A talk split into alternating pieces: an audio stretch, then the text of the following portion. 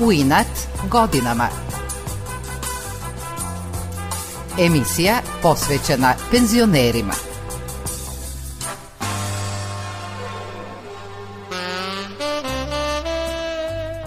Dobro jutro i dobrodošli na još jedno subotnje druženje u emisiji U inat godinama.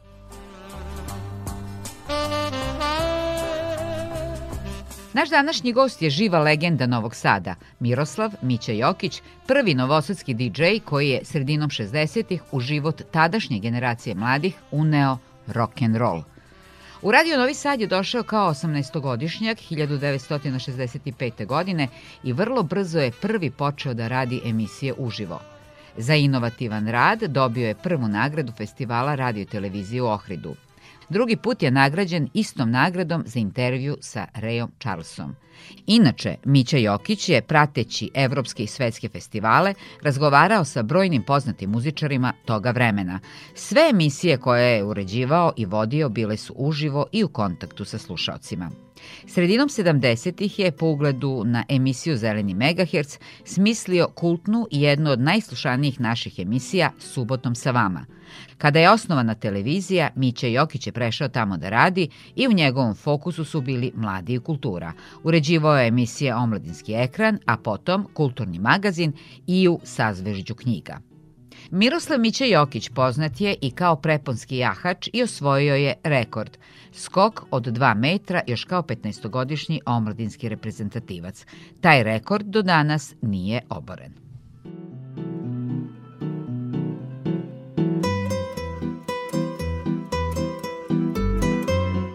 Muzičar Ivan Fece Firči Miću poznaje od svog najranijeg detinstva kada je dolazio kod roditelja na posao u Radio Novi Sad. On kaže da je Mića Jokić živa legenda Novog Sada.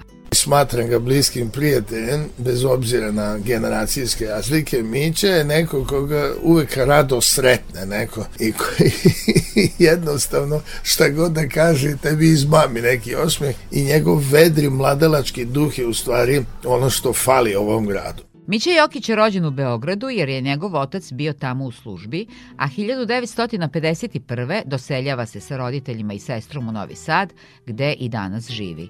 Imao je lepo detinstvo u centru grada, a i škole koje je pohađao bile su u tom krugu.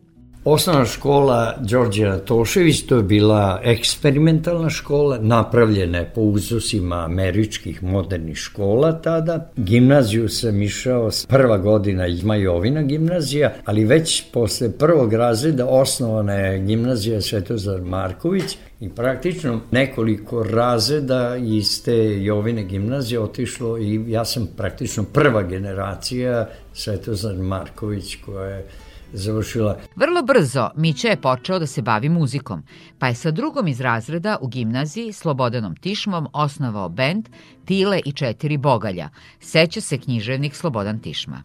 Mene su zvali u gimnaziji Tile, ja sam bio pevač u bendu i mi smo uglavnom skidali ovu muziku, šta ja znam, ovaj, znači Beatlese, Searchers, Herman Hermins, I onda smo mi svirali tako gde smo stigli, bila je ovde Gajba, a to je jedno mesto ovde u Vase Stajića, broj 1, ja mislim, tu gde je sad galerija Mamuzićeva. Dole u podrumu je bila diskoteka koja se zvala Kabare. Posle postala gajba, svirali smo kao neku igranku i svirali smo u stvari te hitove koje smo mi skidali. Slušali smo Radio Luksemburg i onda nešto ono slušaš malo ili imali smo to kažem već i neke ploče Postali su poznati među vršnjacima pa su hteli da se prijave na Beogradsku gitarijadu. Međutim, zbog nadimka Tile u nazivu grupe odbijeni su. Ipak, našli su način da ostvare svoju želju, pa su pronašli prijavljenu grupu Senke, koja zapravo nije ni postojala i došli su u ime te grupe, nastavlja Slobodan Tišma. I mi smo svirali na toj gitarijadi, tamo smo otišli, to je bilo u redakcija borbe, to je preko puta od doma sindikata, tu je bio kao to zborno mesto i mi smo došli i prijavili se kao senke i oni su nas trpali u kombi, odveli nas na sajmište i mi smo tamo svirali. E, svaki bend je svirao po dve, stvar, dve pesme, mi smo svirali Tila i Matthew od grupe Searchers i Greenback Dollar, to je Kingston Trio. Dobro su svirali, ali i atraktivno izgledali, pa su bili i zapaženi, kaže Tišma. Sećam se kad smo mi izašli na binu, istračala je ova Branka Veselinović i počela da nas snima sa nekom kamerom. Ono vreme ono, to je bila neka verovatno dupla osmica ili tako nešto. Jako smo atraktivno izgledali kao mi smo modovi bili. Imali smo neke mundire i bele šaleve. Imali smo već malo kosicu, ne jako dugačku, ali onako. I tako smo svirali na prvoj gitarijadi. Mi trebali smo da idemo u Zagreb na neku gitarijadu, ali na primjer to nismo uspeli da odemo pošto otac gitariste nije ga pustio zato što ima neke slabe ocene. Međutim, Miće je već u četvrtom razredu gimnazije izašao iz grupe i na drugi način se posvetio muzici. Došao je kao honorarni saradnik u Radio Novi Sad i počeo kao i većina nas u omladinskom programu. Njegov zadatak je bio da priprema muziku za omladinske emisije kao bivši član rock and roll benda Tile i četiri bogalja. Međutim, vrlo brzo su uočene njegove voditeljske sposobnosti i on prelazi u redakciju zabavne muzike, gde je glavni i odgovorni urednik bio Ladislav Jambor Lacika, kaže Mića Jokić. Pošto se u to vreme u Radio Novom Sadu forsirao džez, a pojavio se rock and roll, bila je to prilika da mlade snage uvedu novu muziku u program. I Lacika je meni, Vitisi Murdiću i bio još jedan, mislim da se zvao Nikolis, dao termin petak, subota, nedelja da mi polako uvodio rock and roll. Otvorio vrata rock and roll. I ja sam to radio jedno vreme i rekao sam, to ne valja. Snima se emisija, to je, znaš, ono, ostaviš traku, ali sam insistirao da to bude uživo. Zato što uživo ti imaš jednu potpuno drugačiju energiju kad govoriš, kad se obraćaš slušalcima. Tako je krenuo uživo randevu sa muzikom. Miću je, kako sam kaže, kao muzičkog urednika i voditelja zapazio urednik u Radio Beogradu Nikola Karaklajić. Imao emisiju u sastanku 9 i 5, Radio Novi Sad je prenosio i on je meni dao poslednju emisiju u mesecu da ja radim kao svoju iz Radio Novog Sada. Opet išlo za celu mrežu. To je moja prva emisija, to još nije bila DJ emisija, još uvijek sam bio samo voditelj koji najavljuje pesme i tako da neke osnovne informacije. Mića je dobio i svoju prvu autorsku emisiju i prvu nagradu na festivalu radio i televizije u Ohridu. I ja sam prvu autorsku emisiju napravio koja se zvala Pop Riba. Pop, ritam i blues underground. Znači to je skraćenje Pop Riba.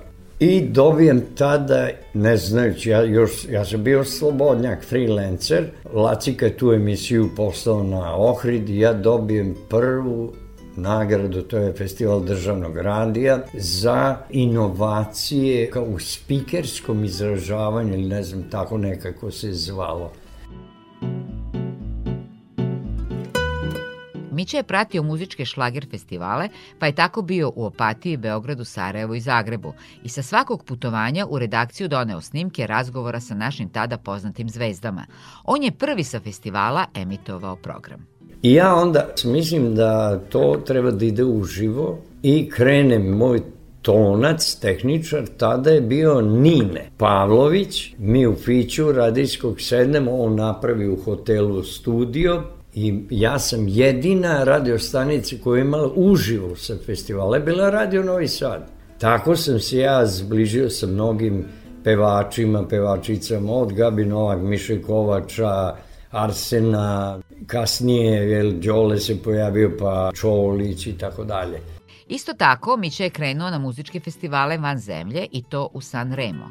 Pošto je bio honorarac, nisu platili put, ali su rekli da će mu platiti intervjue koje donese u redakciju.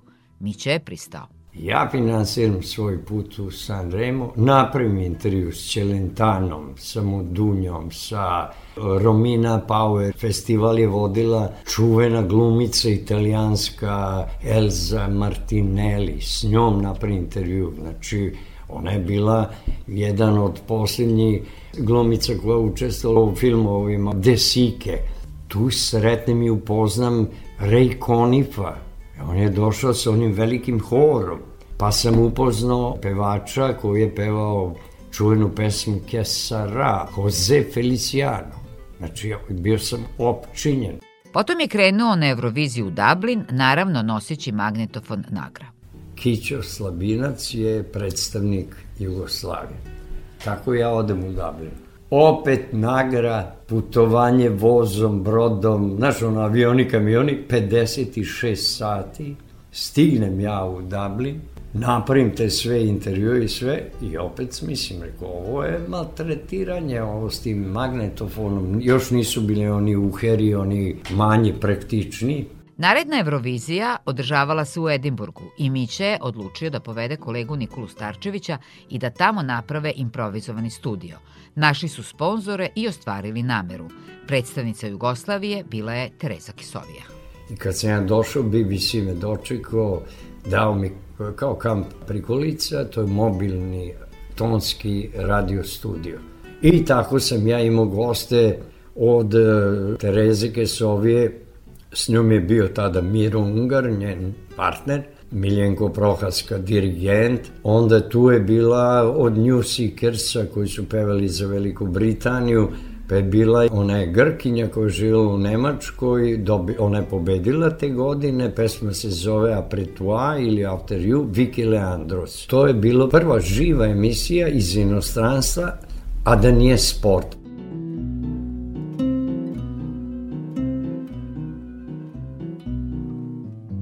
Mića Jokić je prvi uspostavio žive emisije i javljanja iz zemlje i inostranstva, a bio je i prvi novosadski DJ. To je bio klub u Tribini mladih u Podrumu. To je bio njihov klub tako kad imaju neke programske proslave, pa tu ono neki bend po pozivu svira, ali nije imao neki osmišljen program. I tu sam ja sa jednim muzičarem koji je tada svirao u zlatnim akordima otvorio prvi disko klub Pipping Tom. To je bilo jako popularno mesto, ali nije bilo veliko. Ono je maksimalno, recimo, 400 ljudi moglo da uđe, jer prostor nije bio takav. Međutim, zbog nedovoljnog prostora Mića i Joca Adamov pronalaze nove prostore. Kasnije sam sa Jocom Adamovim krenuo da radim malo veće prostore, pa nam je drugi disko klub bio na Mašincu, to je onaj podrum na Mašincu, tu je već moglo oko 800 ljudi da stane. I onda na kraju sam otvorio Grom, to je donji hall studija M, tu je moglo da stane po hiljadu ljudi. Rođeni zdravo živo, po ko zna koji put upravo ovde u studiju M, u vašem i našem diskogramu. I za početak, dakle, šta? Konji poludeli. Ili kratko i jasno, The Osmonds, Crazy Horse!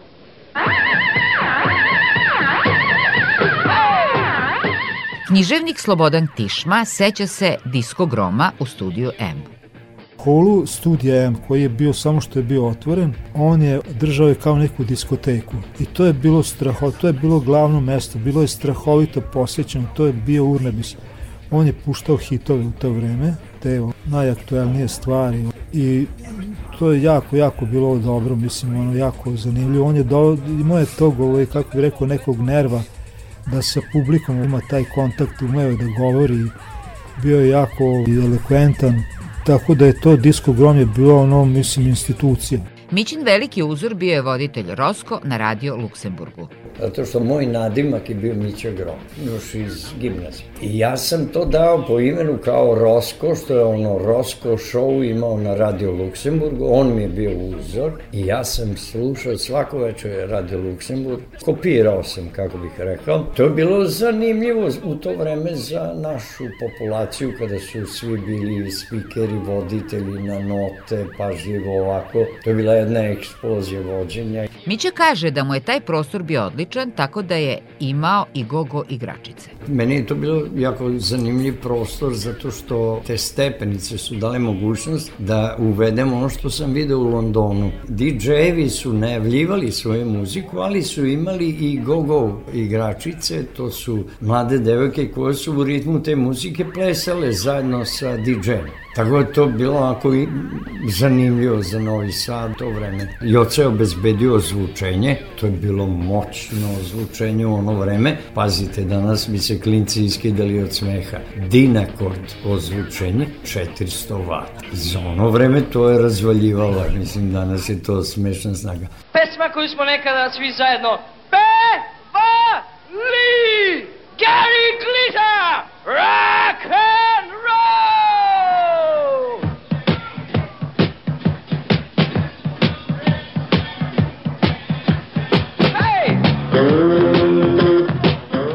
Miće objašnjava kakvu su muziku mladi slušali u diskogromu.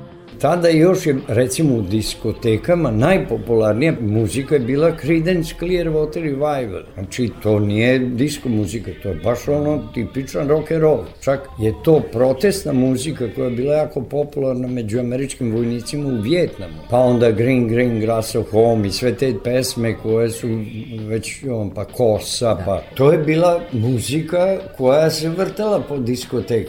U to vreme do ploče se teško dolazilo, a Miće je imao najsvežije hitove. Bila je jedna kompanija u Londonu, uplatim top listu, dobijem prvih 100 i imam uplatu da sve što je novo, što ulazi na top listu, oni meni šalju. I to mi šalju u istom trenutku kad uđe u njihove prodavnice, šalju i Radio Novom Sadu. Drugi način bio je izvesni Čaka Divild. On je išao u Trst po istom principu iz Trsta donosio ploče, ali prvo ih donese u Radio Novi Sad da se presnime. Treći način, Radio Novi Sad je imao dve godišnje velike kupovine u Parizu i u Londonu.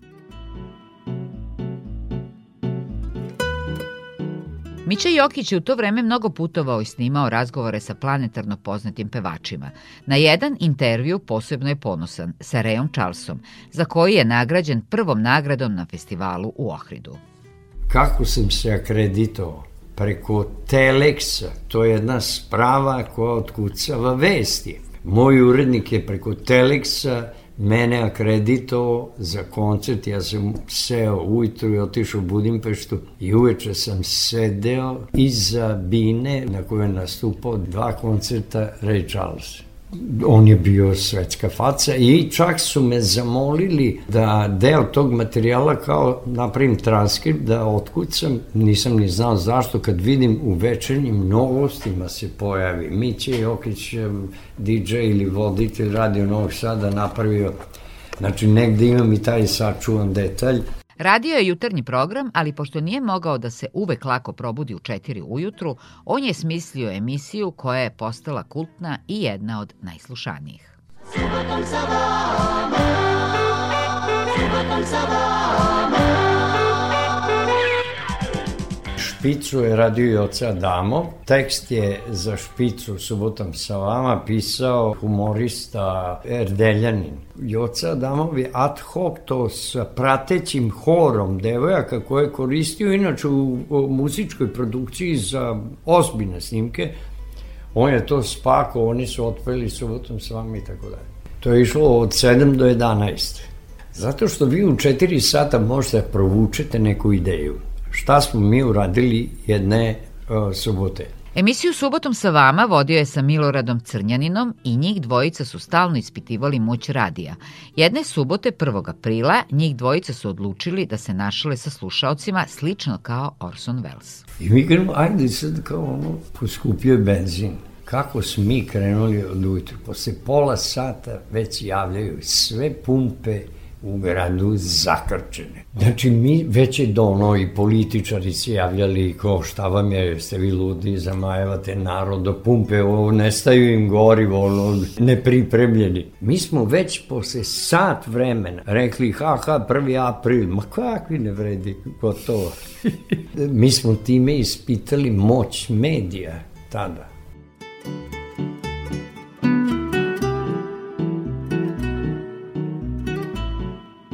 Miroslav Mića Jokić prelazi na televiziju gde radi emisiju Omladinski ekran, a uskoro prelazi u redakciju kulture i uređuje kulturni magazin i sazvežđe knjige. On poziva svog druga iz gimnazijskih dana, koji je umeđu vremenu postao i dobitnih značajnih književnih priznanja i Ninove nagrade, Slobodana Tišmu, da sarađuju. I ja sam postao saradnik znači, na tim emisijama i ja sam dugo godina tu radio kao spoljni saradnik, znači pojavljivao sam se u, u u toj emisiji Kulturni magazin gde sam govorio, predstavio sam neke knjige ili u videopisu sam radio portrete pisaca. Mića Jokić je poznati po emisijama iz kulture, a o ideji emisije Sazveže knjige Mića Jokić kaže. Cela ideja je bila da to bude emisija gde neće kritičari govoriti o knjigama, nego sami pisci o knjigama svojih kolega. I to je bilo zanimljivo šta će, ne znam, David Albahari izabrati, kog pisca, kog pisa će izabrati Franja Petrinović ili Pisarev ili Sava Damjanov. To je zanimljivo, jer ti vidiš onda i koja je to poetika i drugi način kad pisac govori, to je kao insider, jer on razume tekst na drugi način nego književni kritičar. U emisiji Kulturni magazin bavio se događajima i pojavama iz kulture, ali i intelektualcima disidentima. Znači, nas je interesovalo kako ti intelektualci, pa sam bio sa Đerđom Konradom u Budimpešti, koji je pre pada zida bio u kućnom pritvoru. I posle pada zida je Tišma s njim napravio razgovor o toj budućnosti Evrope, od položaju kulture. Znači, mi se nismo bavili politikom, ali smo se bavili tim umetničkim i sociološkim fenomenima, sloboda umetničkog stvaralaštva i ljudska prava.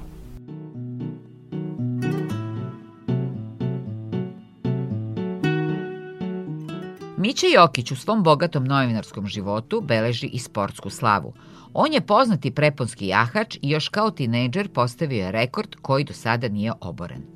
7 godina sam imao kad me otac posadio u sedlo. Sa 12 sam već ono učestvovao kao, to je bila kategorija pionir, danas to se zove kategorija deca na prvenstvu Vojvodine i već sa 14 godina ulazim u reprezentaciju Jugoslavije kao junior. 62. sa 15 godina osvajem prvenstvo države i postavljam državni rekord u skoku viso 2 metra koji do danas, nažalost, nije oboren. Miće je nekoliko puta ostavljao taj sport, ali mu se posle izvesnog vremena vraćao i na kraju ostao u njemu. Tu sada, kažem, idem po tim turnirima, držimo po neko predavanje, o, to su osnovni elementi prepanskog i dresurnog jahanja. Držim predavanja takođe na ovom fakultetu povremeno kod tih mladih ljudi koji polažu za trenerske licence, tako što im prenosi moje iskustva u radu sa mladim konjima i u radu sa različitim profilima. Mića je vitalan i aktivno učestvuje u kulturnom životu našeg grada. Bilo je to sve za danas. Do sledeće subote pozdravljaju vas Nevena Vrtulek i Ton Majstor i Boja Šanca. On his cornerstone catches pity on his wrinkled hand